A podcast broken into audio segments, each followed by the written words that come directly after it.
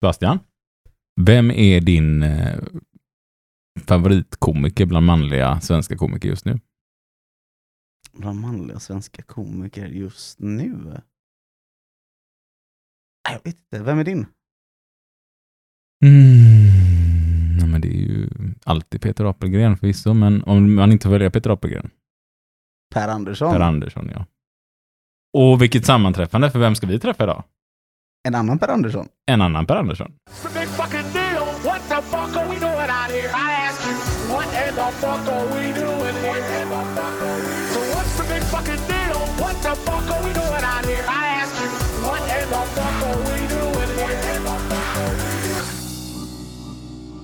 Så, roliga nyheter sen eh, senast vi hörde dig i studion, eller nu är vi inte i studion, utan vi har ju fått låna en lokal på Järntorget, Folkets hus.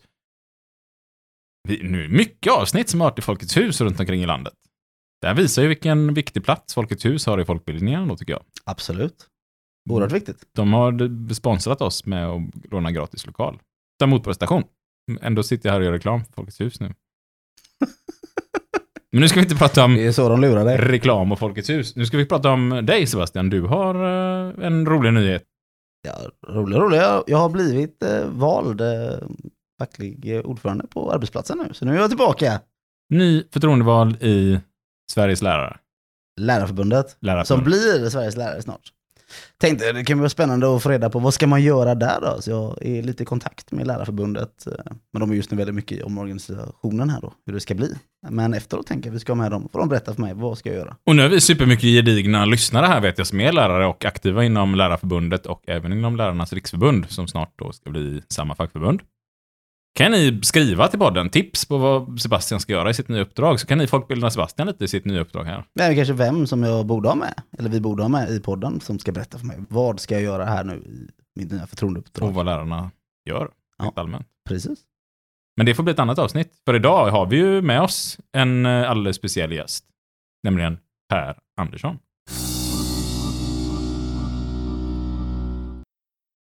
Då är vi på plats här i studion med en gäst som... Eh, han har varit och föreläst för dig Sebastian när du gick på Göteborgs arbetares folkhögskolor. Det har han. Han gick en utbildning som deltagare hos mig för ett tag sedan när han fick ett eh, nytt uppdrag. Han har kritiserat podden starkt för vårt ställningstagande i manningsfrågan. Och nu är han med i podden i en helt annan fråga här. Välkommen säger vi till Per Andersson. Tackar. Vad ska vi kalla dig här? Du, idag är du med som organisatör kanske vi ska kalla dig idag. Ja, eller fackligt aktiv metallarbetare. Men framför allt så är du här för att få prata lite om ja, men din väg i det fackliga. Du har en ganska spännande bakgrund. Du är, dels är du med i en av de här bok, böckerna Ihopsnackat. Men också i boken Ihopskrivet. Ja, det stämmer. Men i den första boken så var du var du, men du var inte du. Nej, alltså jag var ju bemanningsanställd när jag skrev den. Det är ju inte direkt en fördel att eh, finnas med i eh, en bok som handlar om hur man organiserar bemanningsanställda. När man söker nya jobb eller hoppar runt i, i den branschen. Men nu kan du vara öppen med det i alla fall, att det är du. Ja, nu är jag anställd på ett företag som eh, inte har bemanningsanställda. Så då kan jag vara öppen. Vi kommer att glida in lite mer på bemanning i dagens avsnitt här. Men om vi backar bandet lite, om vi börjar, hur, hur, vem är du och hur började du engagera dig från första början? Alltså jag började ju jobba direkt efter gymnasiet och rätt så snabbt så hamnade jag i en större bilfabrik i Göteborg. Där så såg jag ju att eh, det behövdes facklig organisering eller det märktes liksom i armar och rygg. Eller det, var, det är en väldigt fysisk arbetsmiljö och det är mycket som behöver bli bättre. Då åkte jag på kurser och lite sånt där. Man fick lära sig mycket om facket men väldigt lite om hur man förändrar facket. Eh, man fick inte lära sig så mycket om hur man enar arbetare. Det behövs ju liksom. Eh, sen kunde jag ju se exempel på avdelningar där det funkade bra med det fackliga, avdelningar där det funkade mindre bra. Började liksom eh, lära mig genom exempel.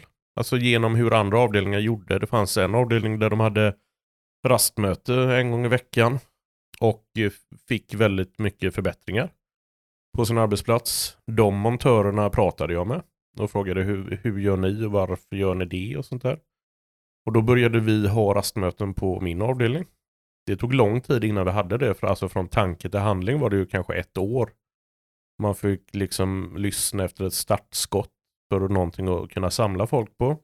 Det var ju inget fackligt eh, från början utan det var ju eh, en social grej. Det kunde vara att man kollar vilka har tagit ledigt och vilka har fått ledigt. Är det någon som har bett om ledigt tidigare än den andra, då kanske man ska kolla upp det. Det kan vara jämföra löner efter man har jobbat övertid. Eller, alltså, väldigt konkreta grejer, men det handlar väl också om hur ja, man kollar med varandra hur man mår eller liksom en social um, plattform sådär. Där det inte fanns någon chef med. Det var liksom det som var funktionen. Längre fram så blev funktionen att man tog kollektiva beslut. Alltså antingen var alla för någonting eller så var alla emot någonting. I de frågorna där alla kunde vara emot någonting, då fanns det en möjlighet att göra någonting när man hade 100% uppslutenhet. Då får man jobba mycket med omröstningar, att göra dem så...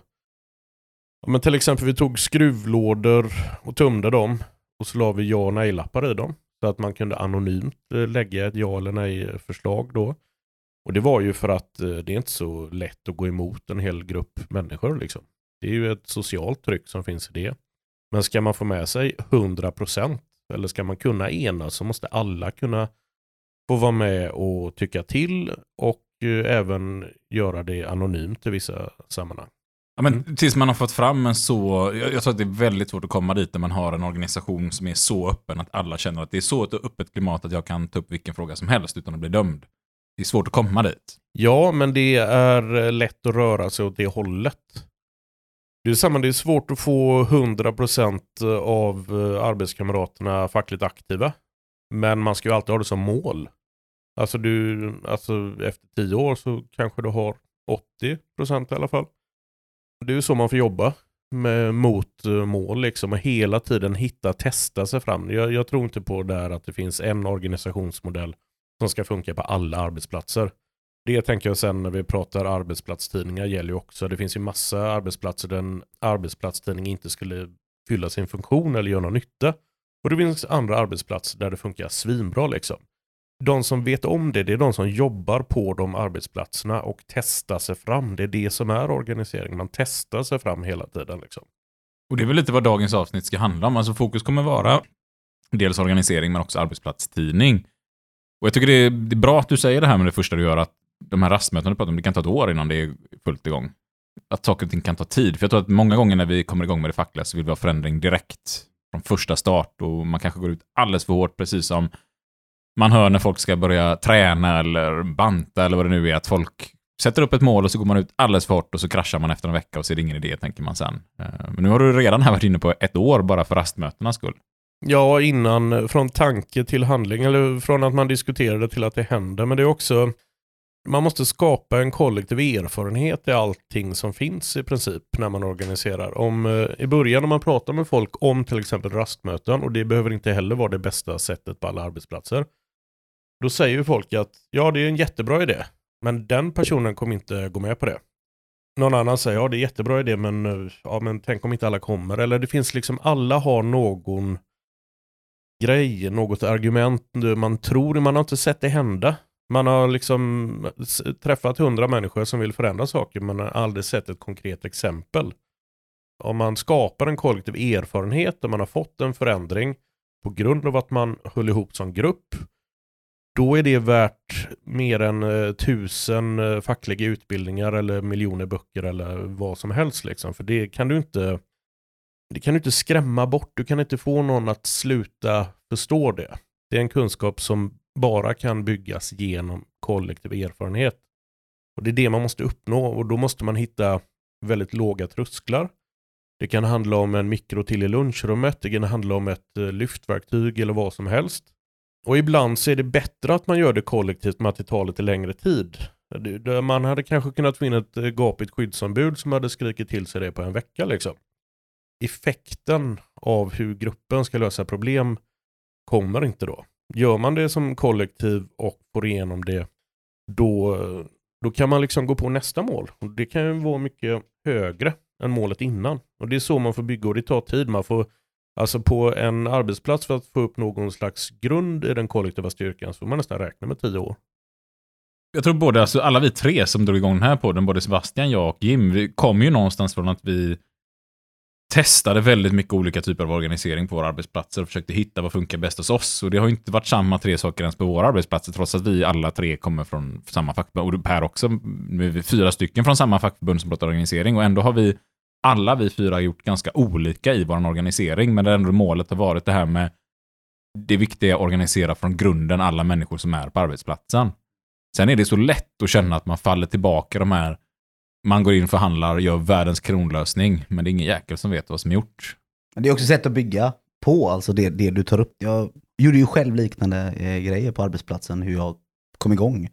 Jag vet att ett ställe så, så saknades det sånt här på, påkörningsskydd för, för truckarna. Och jag visste att jag går bara in och säger till chefen, så kommer jag att få en, eh, det här bytt. Det kommer lösa sig liksom. Men, men jag kände att nej, det här är ett sätt att bygga liksom någonting enkelt. Medlemmen ser någonting, medlemmen får någonting. Alltså lite så väldigt simpelt. Och då kommer de också få engagemang utav det.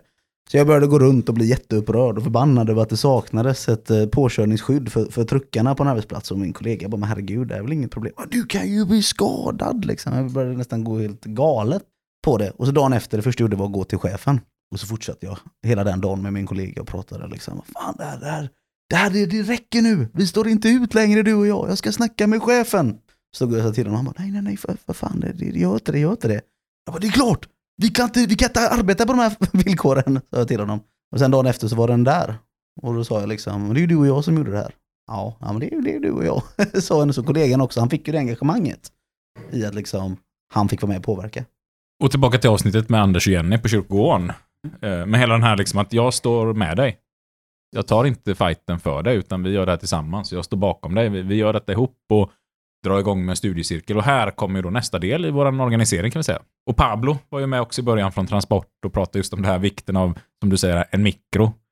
Ett pingisbord eller vad det kan vara. Det kanske det kan skapa mer engagemang än den här stora lönefrågan exempelvis, om man gör det på rätt sätt.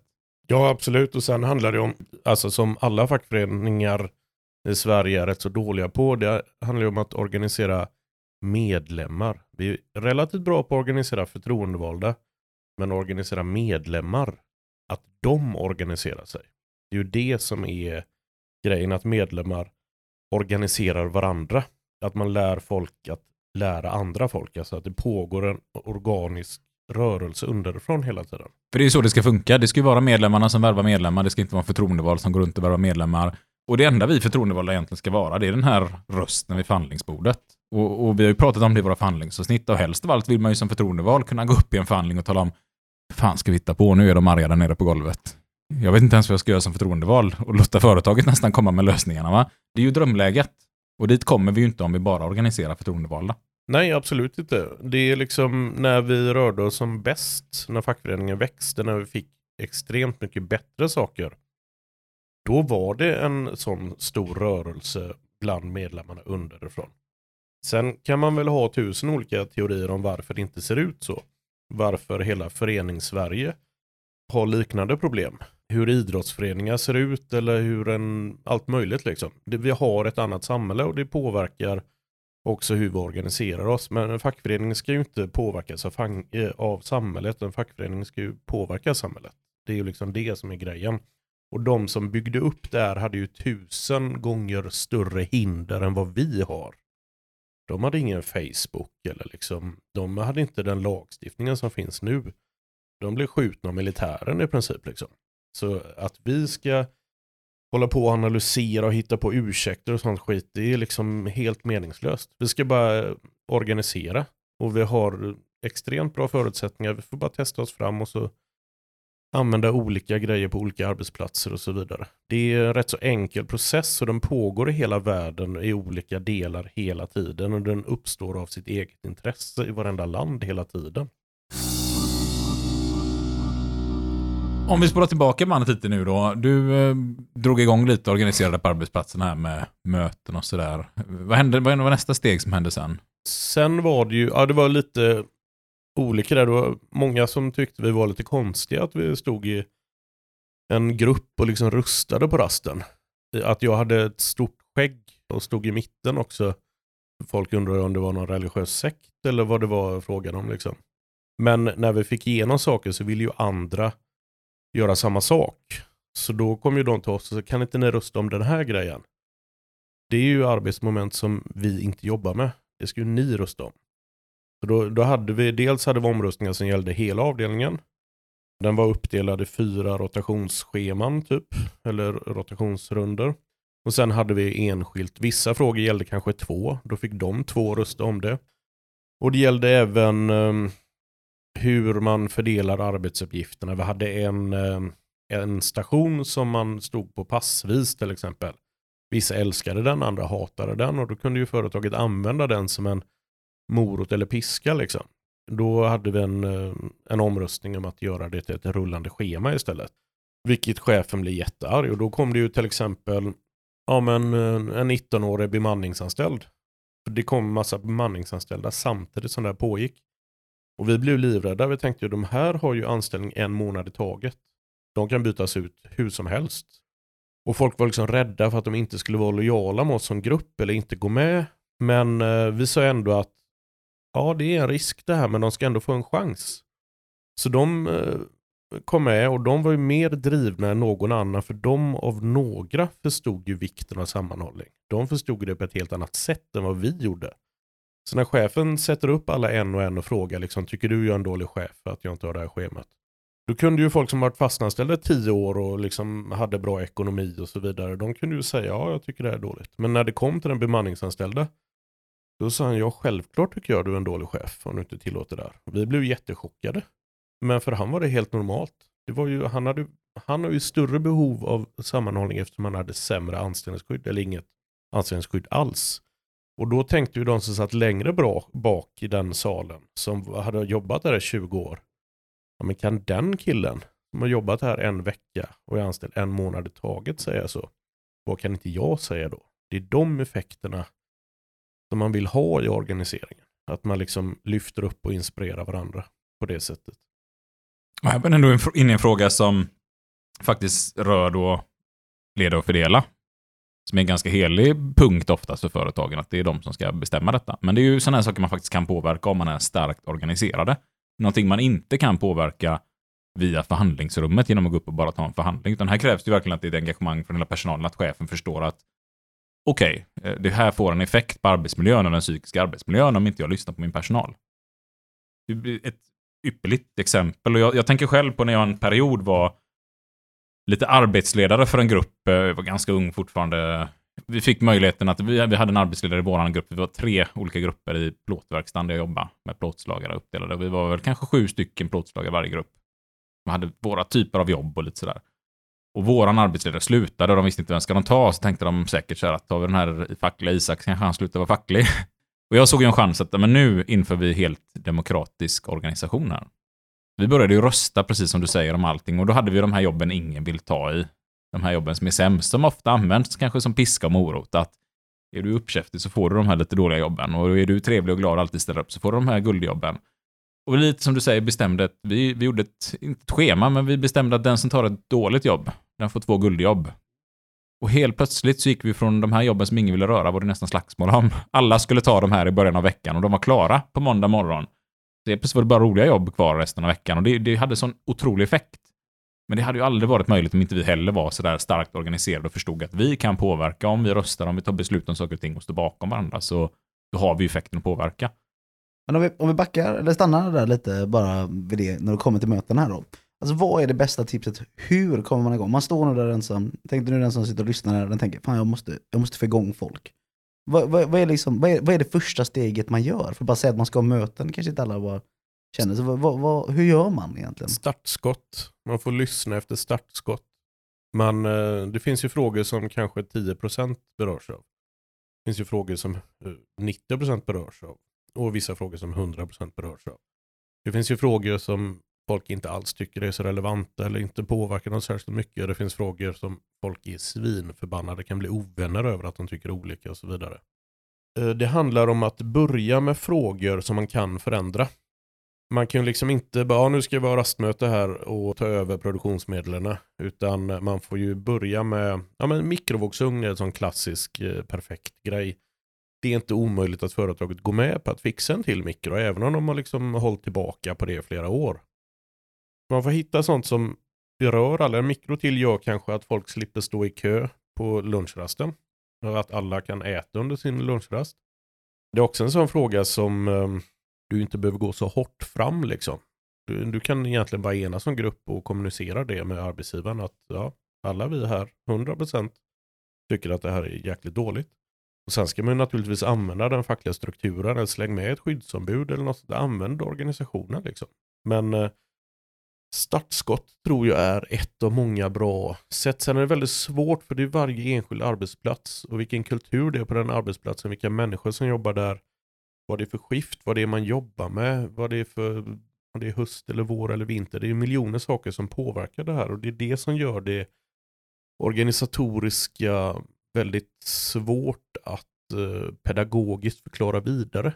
För att man måste verkligen stå på den avdelningen för att lära sig eller hitta hur enar man sig. Är det genom omröstningar? Är det en hemlig Facebookgrupp? Är det en, genom en after work? Är det hur, vilken plattform ska man använda? Men det handlar om att skapa plattformar där chefer inte är närvarande, där de inte kan lyssna.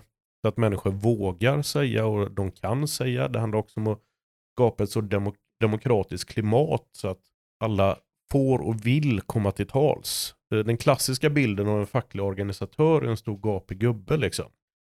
Som skriker och gapar och är bra talare eller sådär. Men eh, de bästa fackliga organisatörerna jag har träffat, eh, det är människor som inte så säger så mycket. Ofta kvinnor som är väldigt bra på att lyssna.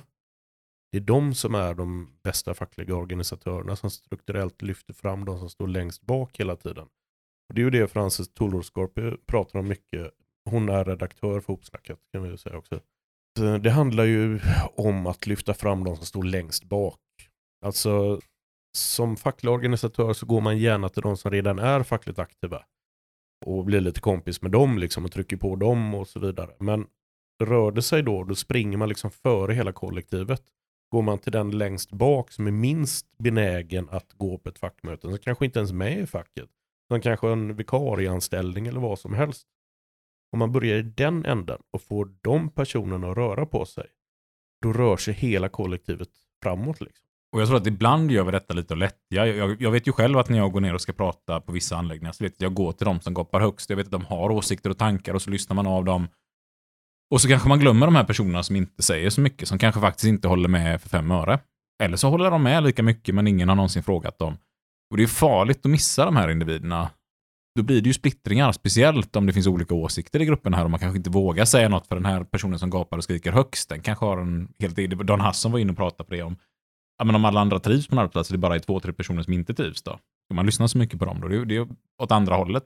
Nej men så är det absolut, men jag tänker också mer rörelse, alltså aktivitet.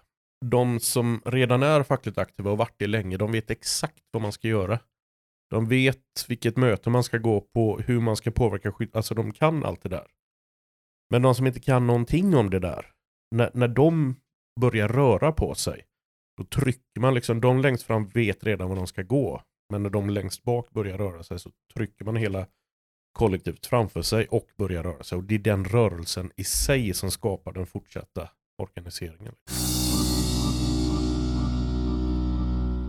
Men du var anställd på den här stora biltillverkaren och eh, det kom ett stort varsel där. Mm. Då var du en av de som fick lämna. Yes. Det hjälpte inte att du hade fackliga uppdrag. Eh, nej. Du kunde inte nyttja förtroendemannalagen där och hävda att du skulle stanna kvar för fackets överlevnad och grejer. Nej, inte riktigt. Och du hade kanske inte valt att göra det ändå. Nej, det hade jag inte faktiskt. Men vad hände sen då? Vad, vad tog du vägen då? Jag pluggade faktiskt undersköterska en eh, kort period. Sen, eh, sen kom jag tillbaka till bilfabriken, eh, men som bemanningsanställd. Så jag kom in på typ samma avdelning, men med... eh, nej, Nya jag kläder. Ja, men helt andra kläder. Nej, jag hamnade först, eh, vi fick andra uppdrag i typ byta hjulbultar på 200 bilar på gården liksom. Och, ja. Men till slut så hamnade jag i närheten av en gamla avdelning och då hade jag ju ja, ungefär samma lön men andra kläder och inget anställningsskydd. De kunde ju av vilket skäl de ville avsluta ens uppdrag liksom. Och då blev jag aldrig mer anställd på den bilfabriken. Däremot så bildade jag ett fackligt nätverk för alla bemanningsanställda. För eh, de bemanningsanställda kan inte vara med i den lokala fackliga organisationen eftersom de är anställda av en annan arbetsgivare. Och det fackliga nätverket växte. Eh, I början så var vi kanske 10 personer och så blev vi 20 och så blev vi 40 och så vidare. Och det handlade om att vi, vi var ju frånvaro på slag ofta, så vi flyttades ju runt i fabriken. Så var man på en avdelning i, ja men säg två månader, ja då, då kunde man liksom värva några där och sen när de tog bort den så gick man från att vara en till att vara två, så man dubblerade sig hela tiden så. Och så hade vi, vi jobbade med att få ner trösklarna så mycket som möjligt. För att det här är ju människor som kanske inte jobbar så länge i, eh, i, i den fabriken. Konjunkturen går upp och ner och de bemanningsanställda åker ju in och ut. Så att vi hade ju dels möten utanför arbetsplatsen på ett café inne i stan. Vi hade möten på raster inne i fabriken. Vi hade en Facebookgrupp. Alltså så många kanaler som möjligt så att människor lätt skulle kunna hoppa in, vara aktiva från dag ett och sen sluta ett halvår senare. Men det fortsatte hela tiden. Många av de som var med och byggde upp den eh, organisationen, som var med och delade ut flygblad, som var med och ringde folk, kollade löner och sånt. Det var ju folk som visste att de skulle få sparken om fyra månader. Men det låg liksom i vår natur. Det, och många sa ju till oss och vi sa ju till oss själva att men vi får vänta till ett bra tillfälle innan vi liksom har något årsmöte eller något sånt där. Men det finns inget bra tillfälle för bemanningsanställda. Det är liksom jättedåligt hela tiden. Och många sa ju också till oss att det går inte att organisera bemanningsanställda. Det är omöjligt. Alla är unga och liksom alla är rädda. Och... Men jag menar en gång i, i våran den svenska arbetarrörelsens historia så hade alla mycket sämre anställningsskydd än bemanningsanställda. Det gick ju hur bra som helst att organisera sig. Det var väl skälet till att vi organiserade oss till och med. Ja, precis. Och det, det kan ju också vara en motivering även för bemanningsanställda nu. Så ofta när man diskuterar de grejerna så är det väldigt lätt för mig att säga att när det där är 200% fel. Det är klart att det går att organisera bemanningsanställda. Och det sa ju Pablo, hade ju Pablo exempel på också. Och runt om i världen så organiserar man människor som har mycket sämre anställningsskydd än bemanningsanställda hela tiden. Det är klart det går och alla har ju varit unga någon gång. Speciellt i, i fackföreningens historia i Sverige så har vi har ju haft jättestora grupper som varit unga men som har organiserat sig. Och sådär. Fördelen när man är ung också är att man är odödlig. Mm. Det är man ju inte längre. Eh, Jag tycker att jag, jag har aldrig varit så bra trygg i det fackliga som jag var när jag, när jag var ung. För då var man inte, man hade ju inte sitt konsekvenstänk där riktigt. Och det är klart att man kanske inte förstod helt hur, hur det kunde påverka, men jag tror ju precis som dig att man kan hitta hur mycket styrka som helst där. För där är människor som faktiskt aktivt verkligen vill göra något för att påverka sin vardag. Och förstått att varför ser det ut så här? Varför ser det inte ut som för alla andra för mig? Ja, det är en så extremt tydlig orättvisa också. Jag, Ja. jag får ha andra kläder, jag får annan lön, jag får göra samma arbete, ibland sämre. Ja, det pekar ju varenda utredning på att det är inget problem att organisera unga. De har väldigt stark tillit till fackföreningsrörelsen. Det enda de saknar på är att vad ska jag göra eller hur kan jag engagera mig eller hur blir jag medlem? Ja, därför måste vi jobba hur mycket som helst med att få ner alla trösklar. Det ska inte ta ett halvår innan du liksom kan göra någonting i en fackförening. Det ska ta en dag. Du ska kunna komma in så ska det finnas, du ska kunna välja mellan tio olika uppgifter. Okej, ja men eh, vad grymt, du vill vara med, ja men då kan du dela ut den eller hjälp till här eller bara någonting så att man direkt kommer in i rörelsen och blir en del av den direkt. Skriv på här, här har du affischerna, det är bara att gå och sätta ut. Ja men egentligen, Ja, alltså, det egentligen, finns ju ja. praktiska konkreta grejer som görs i en fackklubb. Som eh, man kan rotera på för att eh, människor bara ska få en erfarenhet eller kunna känna att jag är med och deltar. Liksom. Och nästa steg är att utbilda alla människor. Eller att få människor att inte bara känna sig delaktiga i beslut och verksamhet utan att vara det. Man är med och påverkar, man är med och gör saker och man inser att vi gör något tillsammans. Och, i förlängningen vill man att det även är så samhället ska se ut. Att vi ska inte ha massa människor som känner att varför gör politikerna inte detta? Varför gör inte alla detta? Utan man ska känna att vi aktivt allihopa påverkar vårt samhälle. Jag tror det är enda vägen att få ett bra samhälle också. Ja, men jag har också fått den eh, frågan eh, många gånger när jag har föreläst om att man vill att det här ska vara någonting som skapar det du säger. Att det är en kanal till till exempel partipolitik eller andra saker. Men jag ser ju det bara som en positiv bieffekt. Ja, men det gör jag med. Och jag tänker inte nu kanske politik, jag tänker den lokala föreningslokalen, Ja, ja, en absolut. hyresgästförening, Ja, ja, alltså det absolut. nu... Men det, det är ju en vara. positiv bieffekt som man kan tycka är jätteviktig. Men det viktiga är ju det, det konkreta och det som förändrar är ju det man gör på arbetsplatsen tillsammans med mina sina arbetskamrater. Och det är också det man borde fokusera mer på det fackliga. Att det inte blir någon värld man åker iväg till. Utan det är det man gör tillsammans med arbetskamrater. Sen kom du att lämna jobbet på, inom bemanningsbranschen. Det behöver vi kanske inte prata om just nu. Det kanske kommer i framtida avsnitt här. Det var, det var ju faktiskt så att jag, jag försökte ju aktivt få in Per på min arbetsplats en period. Ja, det vet jag. Ja, det stämmer. Du ringde mig och sa oh, jag ska försöka få in Per Andersson och då tänkte jag, han komikern, fan vad roligt, ska han jobba där? Och så nej, nej, nej. Men jag kände också att jag ville ha lite opposition emot mig också. Jag tänkte det kunde vara också väldigt fördelaktigt att få höra att jag gör någonting dåligt lite då och då. så det var ju till och med så att du fick, du fick ju faktiskt komma till fabriken.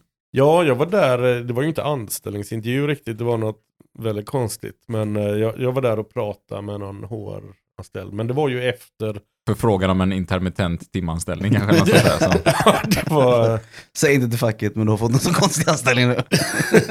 det var efter jag hade jobbat en period på en, ett större lastbilsföretag i Göteborg också.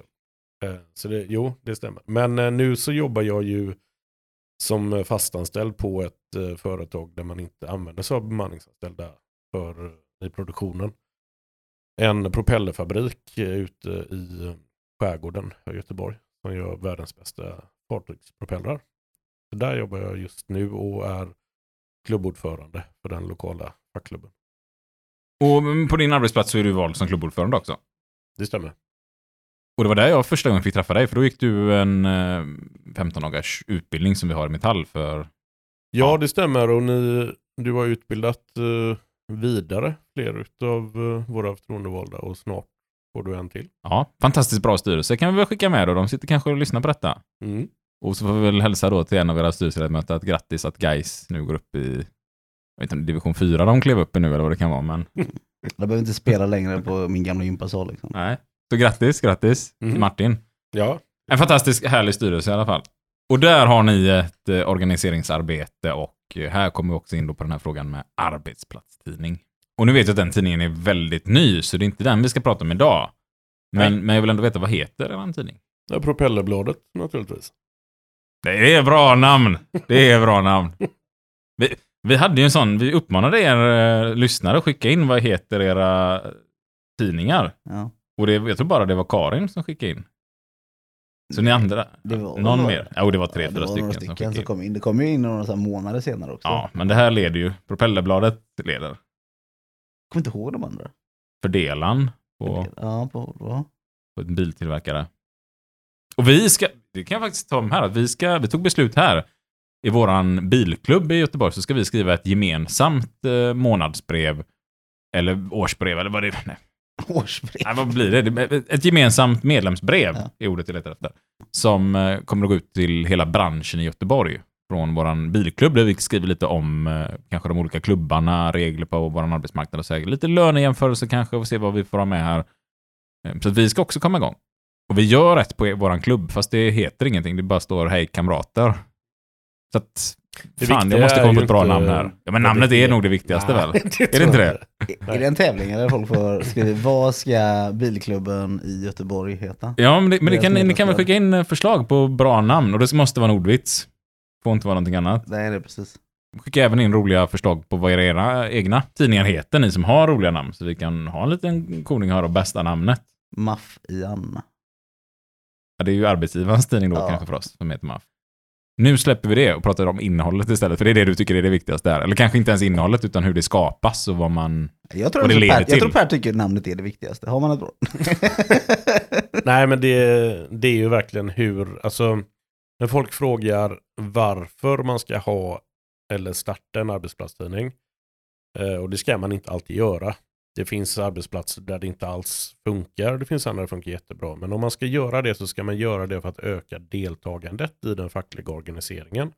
Alltså du skapar olika delar som alla kan vara med och göra. Någon kan eh, trycka, någon kan dela ut, någon kan någon kanske är bra på grafik, någon annan är bra på att stava och kan rätta eller intervjua folk. Det finns tusen olika saker runt en arbetsplatstidning som skapar eh, saker som gör att människor kan gå direkt in i den fackliga organiseringen från dag ett på arbetsplatsen.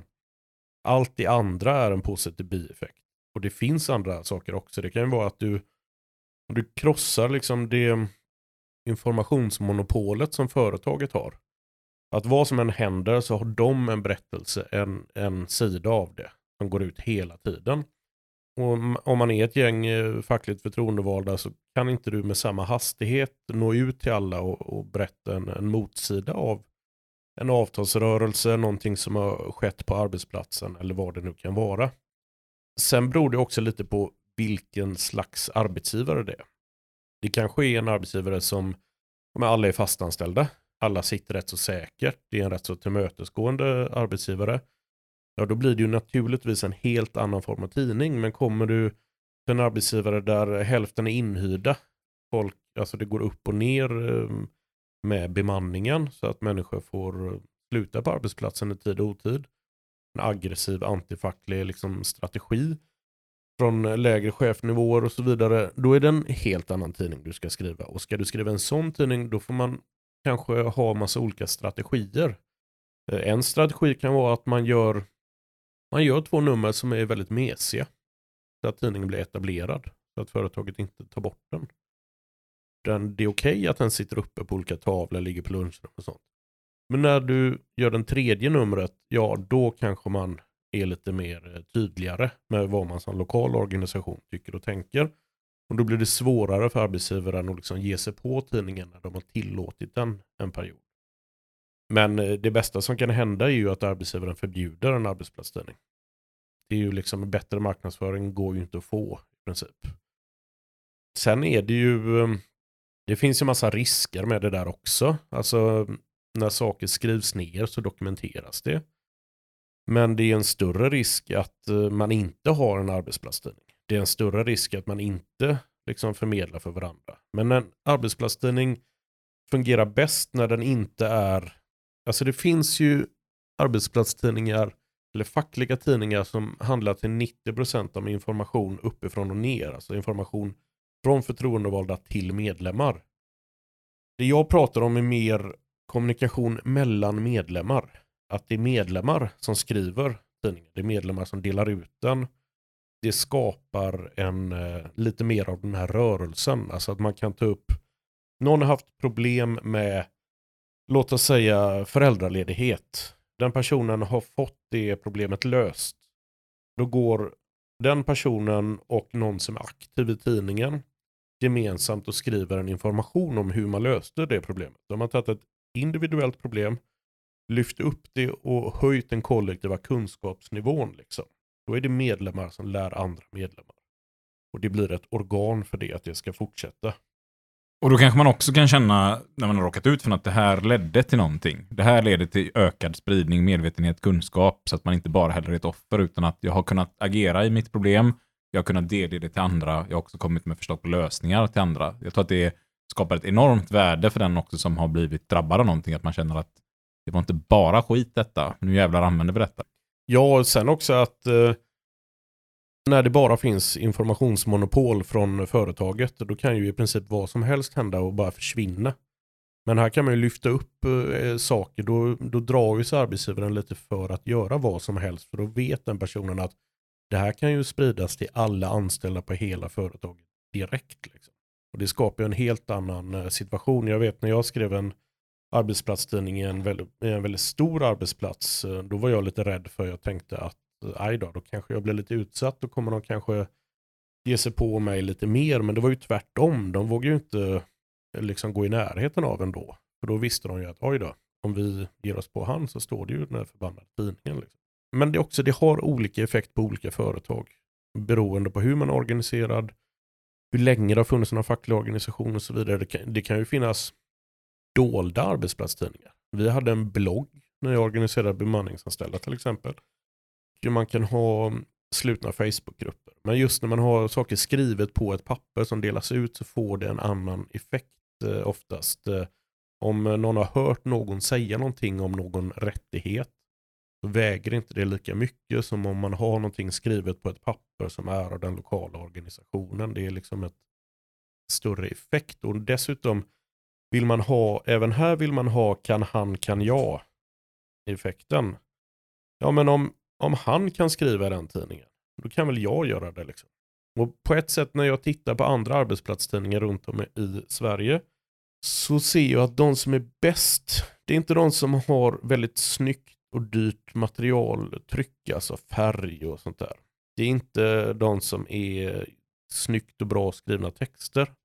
Tvärtom så är det ju de som är felstavade. Det är ju de som är liksom gjort med dåliga klippartgrejer från 90-talet och så vidare. För det är de som är gjorda av medlemmar tillsammans. Det kan man se på strejker runt om i världen. Är det sådana färdigtryckta plakat från en eh, ledning i en fackförening? Ja, då kanske den strejken inte kommer leda någon vart. Men är det felstavade tygskynken som eh, farmor och barn och hundar är med och håller upp, liksom, då, då är det rörelse, då finns det någonting bakom. Det är därför det är viktigare med vilka som gör tidningen, hur man gör den, inte om den är snygg. Börja med en jävligt ful tidning. Och så kan man rätta till efterhand. Och det här, det här går ju tillbaka lite i psykologin om påverkan och så också, vad det är som lockar oss. Eh, Och här tänker jag på Jenny som var med i avsnittet med Anders också från kyrkogården. Och hon talade om att i början när de skulle dra igång de här arbetsplatsträffarna, där de skulle ha studiecirklar, så hade hon gjort en affisch, men så sa hon att den kanske var lite för snygg. Så folk förstod inte riktigt, jaha, är det här någon organisation eller vad är det här liksom? Det, det blev liksom över huvudet på folk. Och när man istället får ner det på att, ja men det här ser ut som någonting vi själva har gjort. Eh, då får man den här gemenskapen och känner att men det här är någonting för mig, här kan jag vara delaktig. Det exemplet kan man ju också se på sociala medier. Jag vet att det var någon kille som gjorde ett konto här för ett tag sedan som fick eh, otroligt många följare på grund av att han gjorde väldigt dåliga photoshoppningar. Så att det var så extremt mycket människor som började skriva att det här är så dåligt gjort och, och då blev det, fick det större spridning.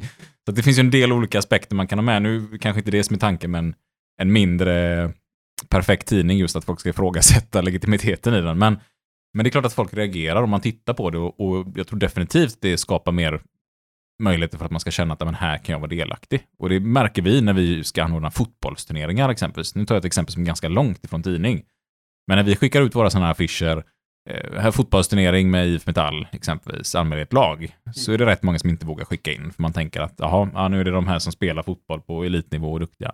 Men när det kommer med en liten bild där och de ser att ja, men i, i vårat lag så var alla lite halvfeta och inget hårfäste och inga professionella kläder på sig, ja men då vups så dyker det upp 20 lag. För man inser att ja, men det här är något vi kan vara med på allihopa. Vad heter det liksom lag? inte- De heter Marxister United.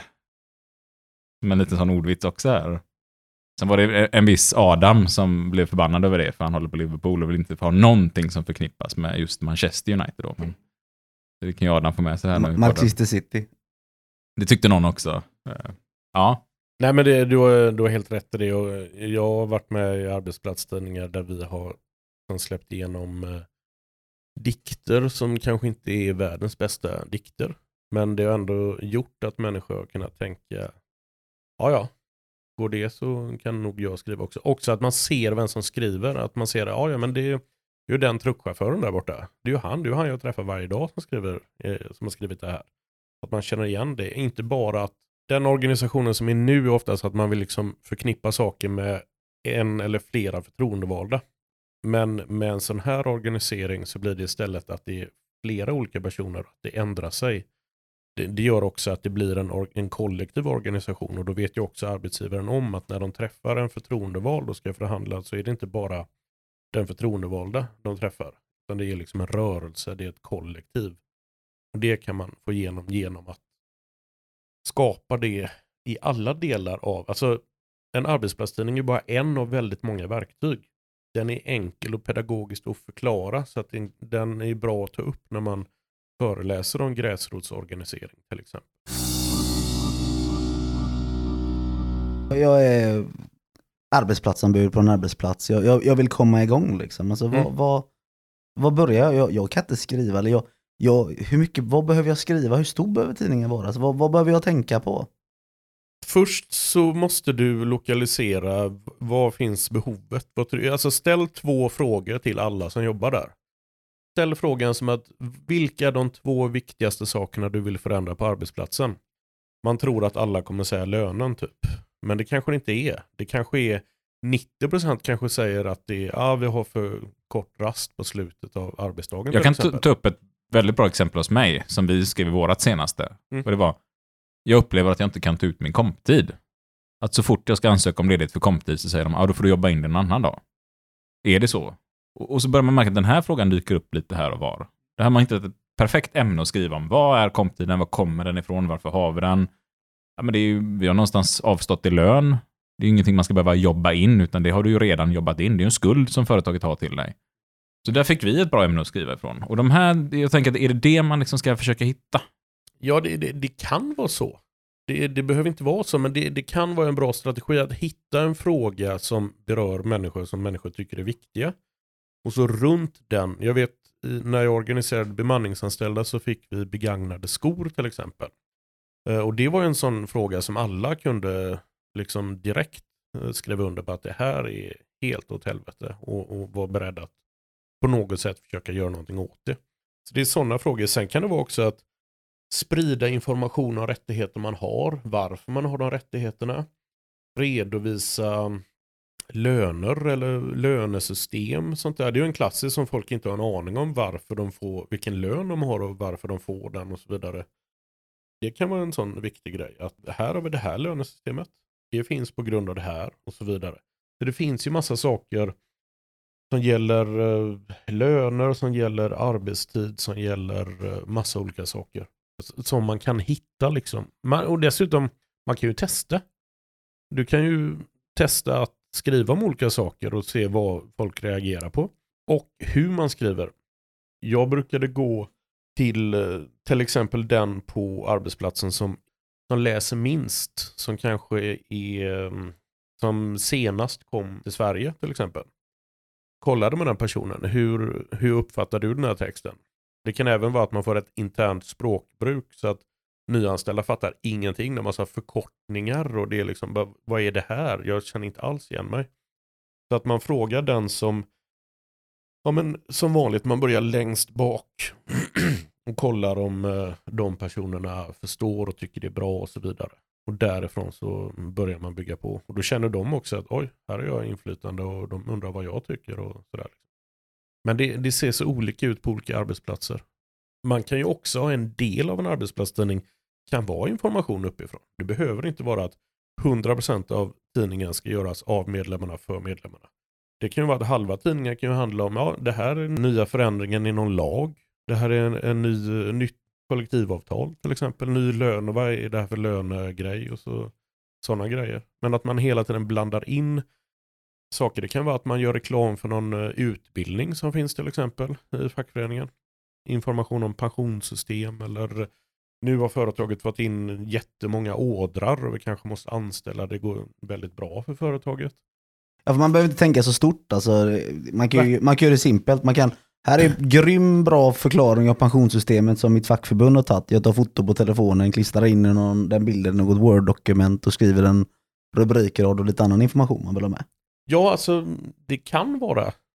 Det kanske funkar bäst av, no- av allting annat. Det beror helt på arbetsplatsen. Men stort ska man aldrig tänka när man organiserar. Man ska bara tänka utifrån de medlemmar som jobbar på arbetsplatsen och allting som händer utanför det ska inte vara med. Som, facklig, som fackligt aktiv så är det väldigt lätt att man tar in hela världen i organiseringen och börjar eh, tänka på eh, vad man tycker om regeringen eller sånt där. Men jag menar om, eh, om man inte kan fixa en mikrovågsugn extra i lunchrummet så kanske man inte ska börja prata om att man ska störta regeringen. Liksom. Men ens trovärdighet är inte så stor heller. Hur lång tycker du en sån här tidning ska vara? Behöver den vara som en känd svensk dagstidning här i Göteborg, tre delar och så på helgen kommer veckobilaga och sådär? Måste ha tv-tablån med i sista delen också. Nej, alltså, det, det, alltså kommer du till en arbetsplats där det är människor som älskar att läsa långa tidningar så är det ju en lång tidning man ska ha i så fall. Det får man ju känna av på arbetsplatsen. Men det, det bästa är väl om den inte är för lång och om den är väldigt lätt. Och då beror ju när ofta ska den komma. Ska den komma en gång i veckan eller en gång i halvåret? Det beror ju också på. Risken med att göra arbetsplatstidningar är att det är så pass kul att göra dem. Så att det drivs på av de som gör dem, inte av de som läser dem. Det, en arbetsplatstidning ska ju inte finnas för att det är liksom lite nördiga fackföreningsfolk som tycker det är askul. Utan den ska ju finnas för att den ska fylla en funktion. Du ett ramaskri om den inte kommer ut till exempel. Det ska bli en förändring när den dyker upp och så. Sådana grejer. Så det, det beror liksom helt på vem som läser den. Hur, hur får man folk att komma igång och hjälpa till med sådana här? Hur, hur gör du det? Där handlar det också om startskott. Men det kan ju vara att det finns, om man har plattformar, man bygger de här plattformarna var de nu må vara. Och utifrån dem så, så hittar man gemensamma punkter. Alltså grundgrejen är att vi har alla gemensamma intressen eftersom vi är alltså, arbetstagare på en arbetsplats.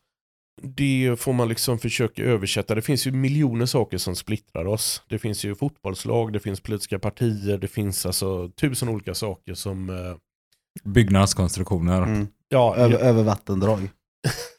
you name it. Men eh, man får försöka hitta saker där man kan se över det och, och enas. I, och det kan vara lönen, det kan vara någonting annat. Men alltså hitta, um, lyssna efter startskott och när de dyker upp så har man redan en handlingsplan. när man börjar med en arbetsplatstidning så får man ju bygga den stabil. Då kan man ju göra, det är väldigt lätt att säga, jag har misslyckats med det här flera gånger, men att man gör kanske 20 små artiklar som redan är färdiga. Och som handlar om saker som kommer finnas nästa månad och nästa år också. Det kan vara information om ett försäkringssystem, det kan vara så massa sådana. Så att du inte alltid har en tom sida framför dig när du börjar skriva arbetsplatstidningen. Utan det finns redan någonting du kan börja med. Liksom. För då kan det bli ett ganska stort hinder har jag märkt. Och, och vi gjorde så i vår tidigare klubbstyrelse när jag var viceordförande. Eller jag var nog styrelseledamot i början och så sa att nu, vi måste komma ut med medlemsbrev. Så jag, så jag tog på mig att skriva det. Och så satte man sig där vid en dator och skulle börja skriva. Själv dessutom då va. Och så vände jag mig till ordförande och till huvudskyddsombudet och sa Robin, Tommy, vad, vad ska vi skriva? Och så tittade de på mig. Ja. Alltså det var ju inte lätt. Man satt ju där till slut. Man hade fått fram någonting och det blev okej. Folk uppskattade det extremt mycket fast det inte var så jättebra. Det var inte rätt saker vi skrev om. Och framförallt då var ju inte det var ju inte en medlemsstyrd tidning utan nu var det ju bara vi tre liksom då. För att det fanns ingenting så någonstans skulle vi börja kände vi. Trots detta var det hur uppskattat som helst. Och efter varje gång vi hade släppt ett brev så satt ordförande, men fan de här grejerna borde vi haft med istället. Ja, ja, exakt. Ja, just det. Det hade blivit mycket bättre då. Men det var ingen som reagerade på det, utan alla tyckte bara jäklar vad bra detta är. Och när våran ordförande klev av och blev ombudsman på Grafiker och Skogsförbundet och jag tog över som ordförande så var det en väldigt stor del, eftersom vi jobbar så utspritt så träffar inte vi varandra allihopa, men det var väldigt många som hade väldigt högt förtroende för mig för att jag hade skickat ut de här medlemsbreven hela tiden. Och det var också bara en sån sak som visar hur mycket det är starkt att bara få ut information skriftligt, som du säger, att man hade ett bevis, någonting att hålla i. Vi försökte så mycket vi bara kunde att inte skicka ut det på mail, utan faktiskt komma ut och räcka över det i handen så att det var en fysisk produkt. Men det kunde även funka väldigt bra över mail. Och jag tycker det är så bra att du tar upp detta, att du sa att du har misslyckats jättemånga gånger med det också. Ja, ja men det, det ingår i, i att organisera överhuvudtaget. Nu kommer jag aldrig träffa rätt första gången. Liksom. De bästa idéerna kommer man ju på efterhand. Och man eh, rättar varandra. Man hittar liksom, om, om du har tre personer som eh, ska konjunkturläsa det. Ja, då kommer ju de hitta, men det här var jättebra, varför hade ni inget foto på det där? Eller, ja men det här var svinbra, men varför hade ni inte med det? Och man själv kommer komma på dagen efter man har skickat ut den att satan, det där skulle jag komma med. Och då, då blir det liksom fler människor som eh, man får ett verktyg och så lär man sig att använda det på olika sätt efterhand. Liksom. Och då är mitt tips här att skicka med någonting som vi faktiskt ganska nyligen startade med. Vi pratade ju om det med målsättning för ett tag sedan, att man gör ordentliga målsättningar och skriver upp och sådär. Nu har vi gjort en sån målsättning för vårt nya arbetsplatsblad, eller vad vi ska kalla det. Där alla kan gå in och skriva en rubrik bara. Så att står du på golvet och jobbar och kom på det här borde man skriva en artikel om. Då är det bara att gå in med sin telefon eller med sin dator eller vad som helst in i det här dokumentet som ligger i molnet. Alla kommer åt det. Det är öppet för alla. Och så kan man bara skriva in. Du måste inte skriva en artikel, utan du kan bara skriva exempelvis OB-tillägg? Frågetecken. Och sen när några personer ska sitta ner och skriva artiklar, vad de nu gör, ja, men då kan man bara öppna upp det här dokumentet och ja, jäklar, någon har skrivit in OB-tillägg där. Jag ringer och frågar vad personen menar med det. Så kommer man igång, så man behöver inte göra så stora hinder för sig själv. Det är ett tips jag vill skicka med i alla fall. Så jag tycker det har varit otroligt mycket lättare när man väl ska sätta sig och skriva. Det är skitbra tips. Det handlar ju precis som allt det andra att få ner trösklarna. Typ alla arbetsplatstidningar jag har varit inblandad i, nästan alla, är ju gjorda i Paint. Man skriver i Word och så klipper man in det i Paint. Och det är för att det är ju mer människor som kan Word och Paint än som kan avancerade alltså program som görs bara för att skriva tidningar. Och det är också sådana grejer. Få ner alla trösklarna, det ska hjälpa, det ska mm, funka bara skicka in ett tips, ställa en fråga, liksom få igång så här. Om någon eh, inte vågar skriva eller eh, inte känner sig säker på att skriva, ja men gå med på att göra en intervju.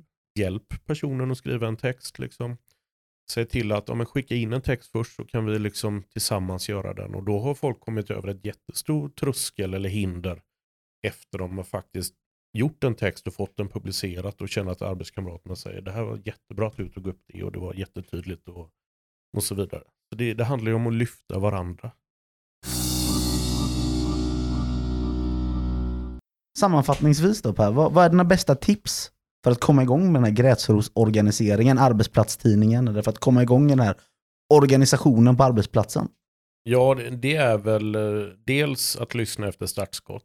Alltså att, att hitta frågor som berör många människor. Det kan vara att man frågar alla rakt upp och ner. Vad tycker ni borde förändras på den här arbetsplatsen?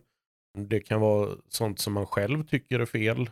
Eh, som man ser eh, direkt en tydlig orättvisa. Som man sen kollar med de andra. Tycker ni det här är okej? Det kan vara sådana exempel. Så man, man hittar saker man kan enas runt.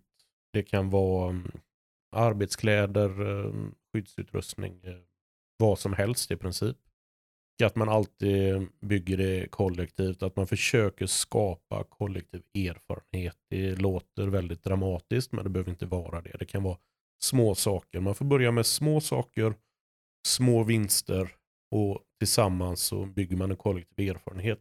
Ja, det är väl det i princip, att leta upp de här eh, startskotten som man kan kalla det. Men eh, också sen att inte försvinna från det folkrörelse folkrörelsetänket. Utan även när man har ett förtroendeuppdrag, även när man sitter i en styrelse så ska allting i fackföreningen genomströmmas av att skapa den här hundraprocentiga delaktigheten och inte bara känslan av delaktighet utan att alla får vara med och bestämma och styra organisationen.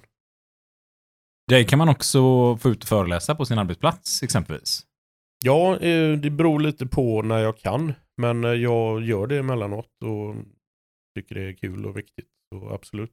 Och vill man nu göra det så kan man mejla till fackpodcast.gmail.com så kommer vi att skicka det vidare till Per. Är det så att ni inte får svar, skicka igen för då kanske det har fastnat i skräppost eller något sånt där. Det glömmer vi säga ibland. Men jag försöker att kolla den frekvent. Så får ni inget svar från oss eller så är det att Sebastian bara skjuter upp på grejerna hela tiden. Men gör det, mejla in till oss om ni är ute. Och det finns också en väldigt rolig nyhet hörde jag här. Jag som inte alltid riktigt med tre små barn hemma hinner läsa så mycket böcker. Och när jag väl gör det så handlar de sällan om organisering på arbetsplatsen och sånt här. Men för oss, så, för oss då som kanske mer har tid att lyssna i bilen till och från eller lokaltrafik eller vad det är. Finns det en rolig nyhet? Era böcker där ihopsnackat finns som eh, Eh, ljudboksformat. Ja, Hopsnackat finns eh, som ljudbok gratis. Och ni kan lägga ut länk på det, tänker jag. Det kommer ligga med i beskrivningen till avsnittet, en Ja. länk till ihopsnackat. Det är skitbra att lyssna på när man jobbar till exempel. Och för de som eh, hellre vill läsa så ligger det med en länk så man kan få tag på böckerna också. Jag har faktiskt läst alla. Roligt nog inspirerad av personen som var ordförande tidigare, innan dig, på din arbetsplats. Inspirerade mig att rastläsa. Så då började jag med ihopsnackat böckerna. Vi skickar en liten hälsning till Anders. Efter jag köpt dem utav dig, så det är så. Det går full, full circle här. Så, att det, det, och så här är det ju i arbetarrörelsen. Och jag tänker att det är likadant på arbetsplatstidningarna. När vi börjar prata med varandra så märker jag att det finns väldigt mycket samlad kunskap. Och väldigt mycket samlat engagemang.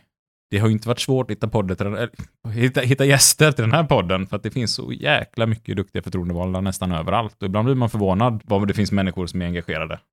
Det är Så är rätt det. konstigt att säga, Men så är det. men så är det. Ska vi skicka en hälsning till eh, er gamla ordförande då? Ja, absolut. Till, till Anders ja. Ja, Eller Rabbas som Ja. han heter. eh, Ja, absolut. vad ska vi hälsa han då? Till dig sa han att du skulle hälsa någonting fult. Ja, men det kommer jag inte göra. Nej. Det tycker jag inte. Vi skickar ett hjärta till Anders istället då. Det var dagens. Ja.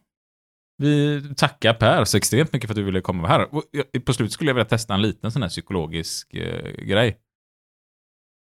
Om- Okej, Om du får välja en, en manlig svensk komiker som du tycker är roligast. och du ville att jag ska säga Per Andersson då eller? Nej, nej, du svarar ärligt här. Tage Danielsson. Funkar inte den psykologiska modellen här? Att du skulle lite bias och välja någon med samma namn som dig själv. Nej, nej. Då fallerar hela den teorin och så säger vi tack så mycket, vi hörs. Glöm inte att följa oss. på Hur gör vi det då? Ja, vi finns eh, två plattformar. Tre, tre. Vi finns ju numera på den här appen med korta videoklipp som är helt hysterisk. Ja, det Eh, finns där. Ja, hemskt, finns inte där. Men ja, Ja. Eh, vi heter Fuck You Podcast Ja. på Facebook och Instagram. Gilla, dela, följ och bli jättegärna stödmedlem i våran... Är du medlem?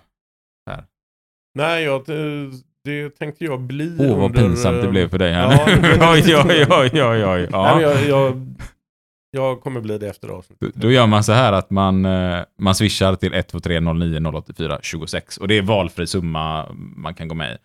Och eh, du har ju stöttat podden på mycket andra håll. Du Mm. har både mejlat oss och skickat förslag på avsnitt och kontaktuppgifter och allt möjligt. Så att, eh, Skämt på oss. och, eh, i- Komma i ledet. och- Ideellt har du varit med och stöttat podden. eh, Men det är som sagt fri valfri summa. Det kan vara en krona. Det kan vara att du eh, testamenterar din, din fastighet eh, till podden. Och är ni som mig uppväxta med att tycka att allt sånt här ska alltid vara gratis och inte riktigt förstår hur folk kan ta betalt för media för att ni är uppväxta mitt i den här torrent-tiden och sådär. Då kan ni skita i att bli medlemmar så kan ni istället gå via er förening som ni är medlemmar i att föreningen blir medlemmar. Kanske er verkstadsklubb eller er sektion eller er cell eller avdelning eller vad det kan tänkas vara. Då kan de bli medlemmar. Ha det fint! Vi hörs! Hej!